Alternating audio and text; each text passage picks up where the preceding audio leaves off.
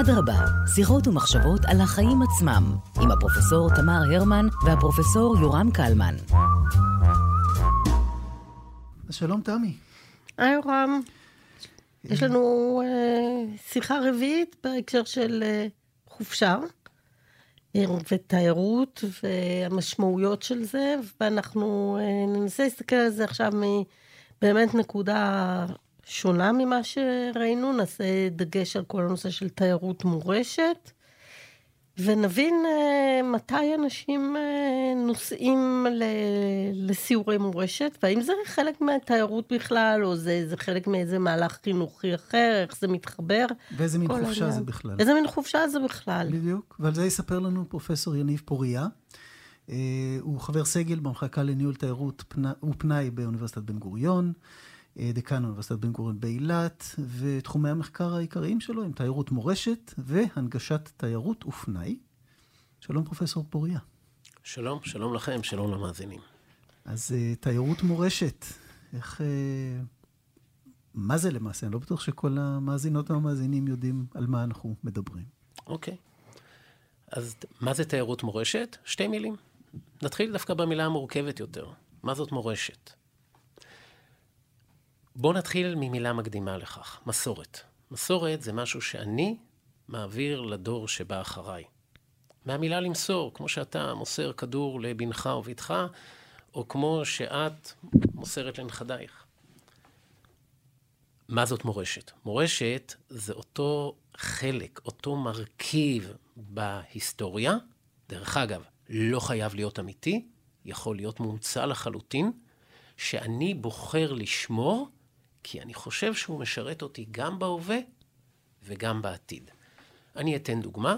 לכם כאנשים בהיסטוריה שלכם קרו הרבה מאוד מאורעות. אתם לא תכניסו את כולם לקורות החיים.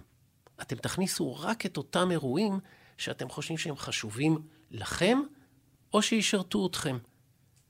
יכול להיות שאתם גרושים מספר פעמים, זה לא משהו שתרשמו בקורות החיים, זה משהו שאנחנו נוטים להחביא. אנחנו נשאיר את הנשוי פלוס שלושה. כי בזה אנחנו מתגאים יותר. זה ההבדל בין מסורת למורשת. מה זאת תיירות? ואני מניח שדיברו על זה בשלושת הפרקים שהיו כאן קודם. כל פעולה, לראייתי, שבה אני עוזב את מקום מגוריי. דרך אגב, בניגוד להגדרות של האו"ם, שבאות ואומרות שאתה צריך לעבור למדינה אחת, למדינה אחת, למדינה אחרת, ולהיות שם יותר מ-24 שעות, על פי ההגדרות שלי ועל פי המחקרים שלי, אתה יכול להיות גם תייר בארצך. לדוגמה, כאשר אני מדבר עם באר שבעים על הביקור היומי שלהם בתל אביב, אז הם באים והם טוענים שבתל אביב הם מרגישים כמו תיירים. כאשר אני מדבר עם תל אביבים על הביקור שלהם בבני ברק, שזה עשר דקות נסיעה מביתם, הם טוענים שהם תיירים. זה אולי מאוד מעניין את המאזינים, אבל יש פה שלט אזהרה. זה אומר שחלק מאיתנו כבר לא מרגיש פה בבית. זה אומר שהתל אביבי כבר לא מרגיש בבית בבני ברק, הוא מרגיש שם תייר, והבאר שבעי לא מרגיש בבית, בבית בתל אביב. וזה המקום להכניס אולי buzzword של staycation, זאת אומרת, אני את החופשה עושה ממש בביתי. אמ, וגם זו חוויה, אני חושב ש... אבל זה לא הנושא של השיחה שלנו היום. אם אבל... אתה תרצה, נגיע למונח staycation, שהוא הופך היום להיות יותר ויותר פופולרי.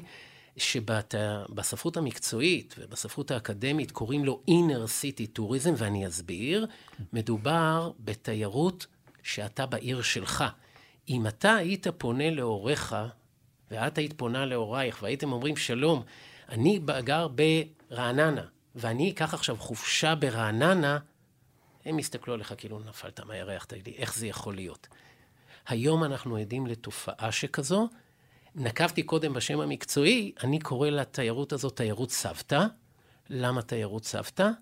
כי כשאני ורעייתי חשים שחוקים מהעבודה, מהקריירה, מגידול הילדים, למי אנחנו קוראים שתשגיח לילדים? לסבא. לסבא ולסבתא. דרך אגב, על פי המחקרים, קוראים לסבתא, לפעמים הסבא בעיטה.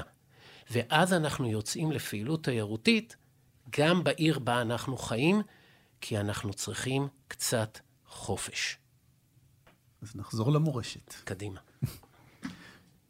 מה, מה הדוגמאות, זאת אומרת? מה, מה הדוגמאות הבולטות? אה, לתיירות מורשת. ומי מארגן אותה? האם זה ארגון פרטי? זאת אומרת, האם אנשים מארגנים לעצמם טיול מורשת, או שזה בדרך כלל יהיה top down על ידי מערכות חינוך, על ידי מסגרות אה, כאלה ואחרות? זאת אומרת, אנשים עושים לעצמם בעצמם תיירות מורשת? אז אני אהיה פה פוליטיקאי, ואני אגיד גם וגם. תיירות, אני אתן את הדוגמה שבדרך כלל נקובה בספרות וכולם אוהבים להתחבר אליה, אולי פחות אוהבים להתחבר אליה, הדוגמה של הביקור במחנות ההשמדה באושוויץ.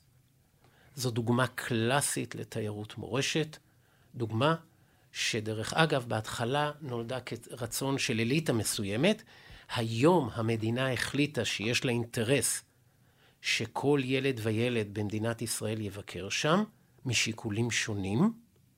חלקם יגידו שהם שיקולים משונים, זאת לא הדעה הפוליטית שלי, אני תומך ביציאת המסעות לפולין, וזאת דוגמה בה אנחנו לוקחים את הילדים, שולחים אותם מנותקים מהוריהם במסע. דרך אגב, שימו לב שאנחנו קוראים לזה המסע לפולין.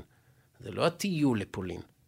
למסע של חמישה ימים, שבו הם נחשפים להיסטוריה מסוימת, מאוד מאוד חשוב, הם נחשפים לחוויה רגשית מסוימת, וזאת מתוך מטרה לצרוב בהם זיכרון מסוים. לצרוב בהם חוויה שתלך איתם לאורך העתיד. וכאשר הם יצטרכ, יצטרכו או יבקשו אותם לקבל החלטות קריטיות, הזיכרון הזה יהיה קיים בקרבם. בין אם זה, האם אני מתגייס לצבא?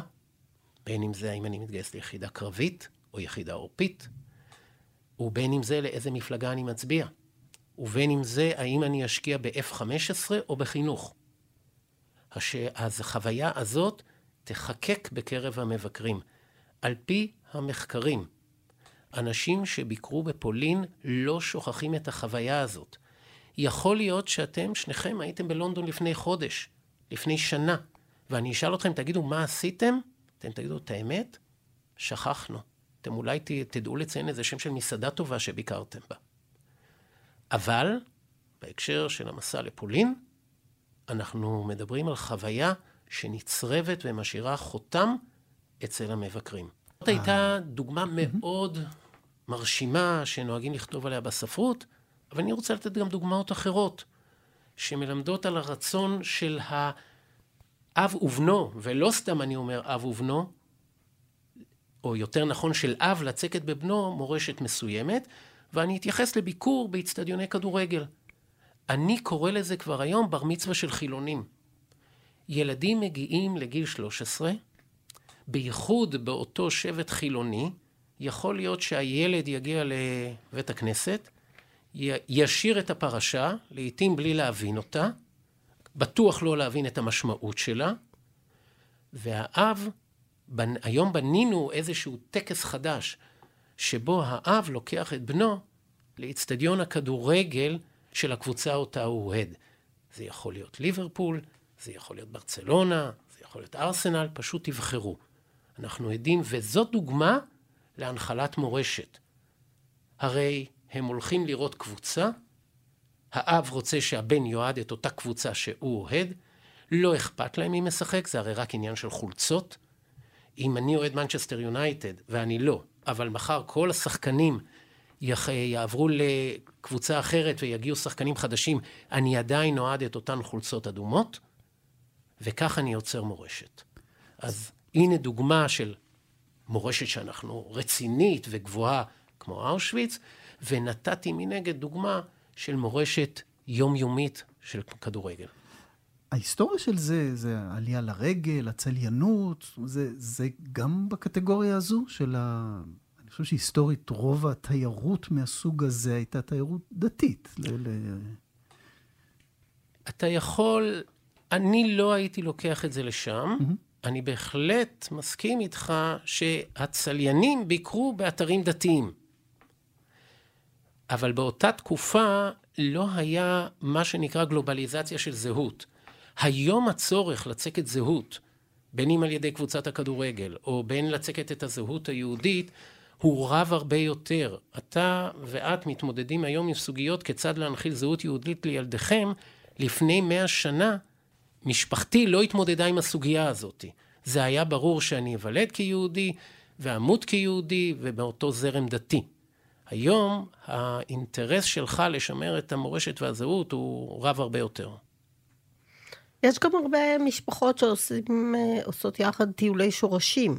נכון. זאת אומרת, אה, לא משהו שקשור בדבר אה, אה, מאורגן כלשהו, אבל הם נוסעים לראות את העיירה של הסבא או של הסבתא, ובית הקברות ו- וכולי, במזרח אירופה, בצפון אפריקה. בית כנסת ו- ו- וכדומה. האם האימפקט של ה... האם אתם חקרתם את זה? הוא דומה לטיולים המאורגנים, ששם הכל הרבה יותר הדוק בהקשר הזה? את מתכוונת לטיולים מאורגנים בתחום של מורשת, ולא, אני מניח, לטיולים מאורגנים בכלל. לא, לא, לטיולים מאורגנים בתחום של מורשת, לעומת טיולים משפחתיים שהולכים על המקרה הפרטי, המשפחה הפרטית ו- וכדומה, לעומת הטיולים עם האג'נדה המאוד מאוד מובנית של הנסיעות של החמישה ימים האלה. טוב. לצערי, או לאור היכרותי עם הספרות, אין מחקרים שמשווים את החוויה של הטיול המאורגן לאתרי מורשת לאומיים, mm-hmm. או לאתרי מורשת שתומכים לדוגמה בזהות היהודית, או בזהות הלאומית, mm-hmm. או בזהות הציונית, להבדיל מביקורים באתרי מורשת שרלוונטיים למשפחה שלך או שלך. יש היום מגמה אדירה וגידול בטיולי מורשת משפחתיים, דרך אגב, כשאנחנו רואים משפחתיים, גם פה זה מונחת מלמעלה למטה. זה בדרך כלל מגיע מהסבא והסבתא. יכול להיות שעל פי החיוך את היית שם. הם בדרך... ממש לא. הם בדרך כלל גם יממנו את כל החוויה הזאתי, וכאן יש לנו דרך להנחיל גם את המורשת הקבוצתית שלנו כיהודים, אבל גם את המורשת המשפחתית. אצל חלק מהמרואיינים שלי שחוו את החוויה הזאת, יש כאן דוגמה, עלתה דוגמה מאוד מרתקת. חלקם, בייחוד בקרב החילונים, לא היו בבית הכנסת בשכונה שלהם. אבל הם כן היו בבית הכנסת של סבא שלהם כשהוא לקח אותם לרומניה, פולין, גרמניה, מרוקו, תבחרו. עכשיו, הסבא והסבתא, וכאן אני ראיתי את זה במחקרים, מאוד מעוניינים להנחיל מורשת לדור הנכדים, כאשר יש להם ביקורת על דור ההורים. שהם באים ואומרים, המאזינים לא יודעים שסימנת לי עכשיו לייק. סבא והסבתא, הם באים ואומרים, ההורים נורא עסוקים. זה נכון. אני מסיע את הילדים מחוג ג'ודו לחוג קראטה, לחוג ועוד חוג ועוד חוג, וההורים מגיעים שחוקים ועייפים. אבל, לצערי הרב, ההורים לא מנחילים מורשת לילדיהם. הם מחנכים, הם שואפים שלילדם יהיה חמש נקודות מתמטיקה וחמש נקודות פיזיקה בבגרות. אבל, האם אה, הילדים שלנו יודעים ומכירים את מלחמת יום כיפור? האם הילדים שלנו שבתקופת החופש, אה, הרי מציינים את תשעה באב, האם הם יודעים מהו תשעה באב? כאן נכנסים הסבא והסבתא ואומרים, אנחנו יש פה ואקום ואנחנו נמלא אותו. אל תדאגו, אנחנו נשלם על כל ההוצאות, אבל בעל המאה הוא בעל הדעה. הם קובעים את הציר, הם קובעים את המקומות, והם ייצרו חיבור סבא, נכד, נכדה. סבתא, נכד, נכדה, הם די ידלגו על דור ההורים, כי הם, רואים וצופים בילדיהם מאבדים את מורשתם.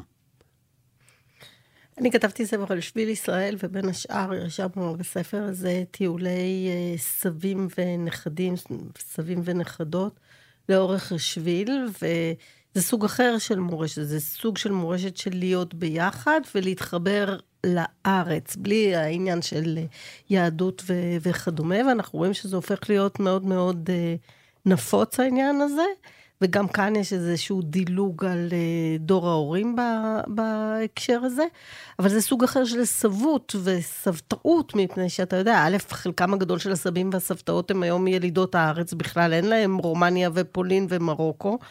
אה, יש להם אמצעים, הם בדרך כלל מבחינה בריאותית נמצאים במקום אחר מאשר פעם דיברו על סבים וסבות. זאת אומרת, יש פה איזה סוג של אה, בנייה של רצף בין-דורי. כשהמורשת היא אה, לפעמים עצם בניית הקשר הזה, זאת אומרת, מין שרשרת דורות כזאת, לא בהכרח לאומי, לא בהכרח אה, אה, מאיים, אה, וה, והיהדות. ואני חושבת שאתה צודק במובן הזה של הצורך להכניס תוכן. כי אחת הבעיות המאוד מאוד אה, קשות לדעתי, שהיום אנחנו רואים אותה אה, עם פרוץ הוויכוח האידיאולוגי הגדול בחודשים האחרונים, זה איזה תוכן אה, יצרה הישראליות החילונית לאורך השנים, והאם היא, האם היא אה, שמטה את מחויבותה ליצור איזשהו משהו מאוד מורכב. אז כמובן תמיד יש אנשים שמעבירים תכנים, אני לא רוצה לעשות איזושהי פסילה כללית, אבל עכשיו יש ניסוח מחדש. ואני חושבת שהניסוח הזה יבוא לידי ביטוי גם בהיבט שאתה חוקר אותו. העלית כאן שלוש נקודות שצועקות לי להצטרף ולהביע את דעתי. כשהצבריות והצברים, שהם היום סבים וסבתות, יוצאים עם נכדיהם, כן, אני קודם דיברתי על הסבים והסבתות שלי, הם לא היו צברים, אבל הסבים וסבתות היום, הצברים, כאשר הם יוצאים לשביל ישראל, או לכל טיול בארץ. תזכרי שהסבים והסבתות הם בדור שעוד למדו ידיעת הארץ. הם בדור שהכירו את הארץ דרך הרגליים, שאהבו את הארץ.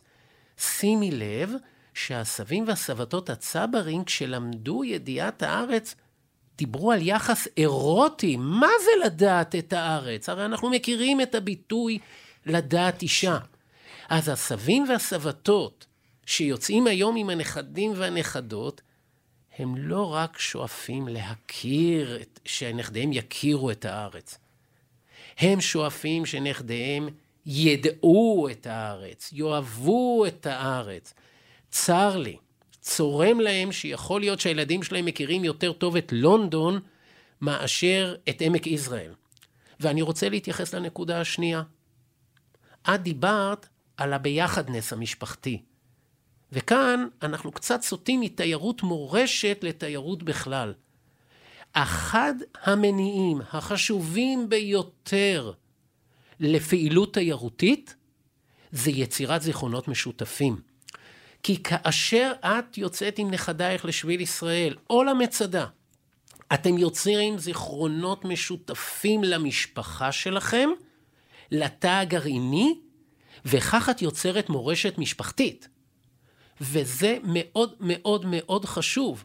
ואם שומעים אותנו סבים וסבתות כעת, עכשיו צאו החוצה וצאו לטיולים. יש לזה חשיבות גם בפן של יציקת זהות. תשת... זאת יציר... אה, יצירת זהות עברית, תרבותית, כי לדעת את הארץ היה חלק מהתרבות העברית. ישראלית. ישראלית. וכמובן החוויות משותפות, כי הנה לך יהיו חוויות משותפות עם הנכד שלך. איפה תזכי היום לדבר עם הנכד שלך במשך שעתיים כשאין קליטה במכשיר, במכשיר הטלפון החכם שלו? זה זמן איכות נהדר שיוצר חוויות משפחתיות, ודרך אגב, וכאן אנחנו בכלל עוברים לתיירות, זהו לדעתי אחד המניעים החשובים ביותר לפעילות תיירותית. אנחנו רוצים שיהיה לנו בארסנל שלנו, במחסן שלנו, חוויות זכירות. ואנחנו מאמינים, לא בטוח שזה נכון, אבל אנחנו מאמינים שבזכות הטיולים, בזכות הנופשים, בזכות הפעילות התיירותית, בטוח בזכות פעילות המורשת, יהיו לנו כאלה חוויות זכירות משותפות. אני חושב שזה, גם ככה, אנחנו מתקרבים לסיום, ואני חושב שזו פרספקטיבה מאוד מעניינת, כאשר למעשה הנופש עצמו, החופשה עצמה, הופכת למורשת שאנחנו אה, עובדים עליה. הדבר, אותו דבר שקורה בחופשה, הוא בעצם המורשת, הזיכרונות שנוצרים, איך עושים חופשה, איך אנחנו מסתובבים בארץ שלנו, בארץ אחרת. יש את המקרה המיוחד באמת של טיולי שורשים, אבל אני חושב שגם הטיול עם ילדים, עם נכדים בארץ אחרת, זו דרך להעביר מורשת של איך אנחנו באינטראקציה עם סביבה שונה, איך אנחנו באינטראקציה עם תרבות אחרת. אה, ואני חושב שחיברת פה, זו במקרה, אנחנו לא יודעים באיזה סדר אנשים מאזינים לשיחות, אבל זו שיחה אחרונה שמאוד יפה סוגרת מעגל לגבי המורשת של מהי חופשה ומהי תיירות. אמ, אני רואה שאתה עוד רוצה עוד להוסיף משהו, אז אני עוד לא אפרד. אז כך, אמ, העלית נקודה מעניינת, אבל כאן אני רוצה לה... להרוס קצת למאזינים. בשביל זה אנחנו פה. נהדר. אנחנו, היום יש אמונה בקרב תיירים, שאם הם נוסעים ליעד מסוים, ומגיעים למרחב מסוים, והם מעונגי אושר מזה שהם גם אכלו אוכל מסוים, ושימו לב, עדיין לא השתמשתי במילה אותנטי, אבל אני מניח שזה עלה, וכאן עכשיו אני אגיד אותה, שחווינו חוויה, שימו לב, אתנית אותנטית. אנחנו מאמינים, והתיירים מאמינים, וזה אחד המניעים, שאם אני אראה את התרבות של האחר, את ההיסטוריה של האחר, אני אכיר אותו. צר לי, אין לזה שום ביסוס. כאשר אדם חילוני יוצא לבני ברק, אוכל חלה של, ויז'ניץ, שהיום גם מגיעה אליו לתל אביב ולרעננה, ויוצאים משלוחים לכל הארץ, וזה עטוף בעטיפה חומה ונורא קל לזהות אותה, את אותה חלה של ויז'ניץ, הוא חוזר הביתה והוא אומר שהוא פגש חרדים, והוא מזדהה איתם, והוא מכיל יותר. צר לי, זה לא נכון. זה שראית וזה שטעמת מהאוכל האתני האותנטי, אל תחשבו שזה גרם לזה שאתם מכירים אותם, ואל תחשבו לזה שאתם גם מוקירים אותם. ההיכרות היא הרבה יותר עמוקה. כאשר אני אוכל קוסקוס, זה לא אומר שאני מכיר את מורשת יהדות מרוקו. זה רק אומר שזה היה לי מאוד מאוד טעים. זהו. זה נכון, וכאן יורם, אני מסכים, אנחנו רוצים לראות מורשות. יש לנו מעין צו חברתי שכזה. יש, דרך אגב, אם אנחנו נלך, אני מרגיש היום שיש גם צו חברתי לתייר. חובה עלינו בקיץ לצאת לטיול. דרך אגב, זה מתחבר גם לפרשת השבוע, אני לא יודע מתי התוכנית תשודר, אבל אפשר להפוך לזה איזושהי פרשה, וטיילת בחו"ל. זאת המצווה, זאת המצווה בחודשי הקיץ. לא משנה לאן, אנשים כבר לא קוראים ספרים לפני היציאה, הם מקבלים בוואטסאפ רשימה של מסעדות שבהם הם צריכים לבקר. לעתים הם הולכים לראות, דיברנו קודם, פעילות ספורט זו או אחרת, כמובן שופינג, אבל זה שהסתובבתם ביעד מסוים, צאו מאשליות, אתם לא בהכרח מכירים את האחר, אתם לא, בביקור של חמישה ימים, אתם לא תחוו חוויה אתנית אותנטית. האתנית האותנטית קורית מאחורי הפרגוד, כאשר אותו אדם איטלקי שהכין לכם אספרסו, ואתם הייתם בטוחים שהוא הכי טעים בעולם, והכין לכם פיצה, ואתם גם אמרתם שאיטלקית אמיתית, הוא חוזר הביתה, ודרך אגב, אתם תתפלאו, לאכזבתנו, הוא שותה נס קפה, והוא אוכל קורנפלקס, אבל לטובת ההצגה, זה בחוץ, אה, פיצה, אתם תאכלו פיצה שהיא מרובעת, ורק שתדעו שאם אתם שותים כוס, אה, כוס קפה הפוך באיטליה, זה אומנם אותנטית, אבל היא קרה. כי באיטליה שותים קפה וממשיכים הלאה, ולא יושבים שעה ורבע ומדסקסים עניינים ברומו של עולם. בגלל זה אין שם אה, כיסאות בבתי הקפה, כי שותים וממשיכים, וכוס הקפה צריך להיות קר ולא חם, כי אתה שותה וממשיך הלאה. נהדר. אז הנה, הסתכלנו, סגרנו מעגל והתחלנו מעגל ככה, מעבר ל-360 מעלות, התחלנו סיבוב נוסף. אה, פרופסור פוריה, תודה רבה.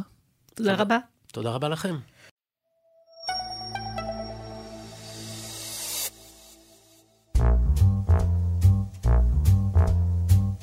אדרבה, שיחות ומחשבות על החיים עצמם, עם הפרופסור תמר הרמן והפרופסור יורם קלמן.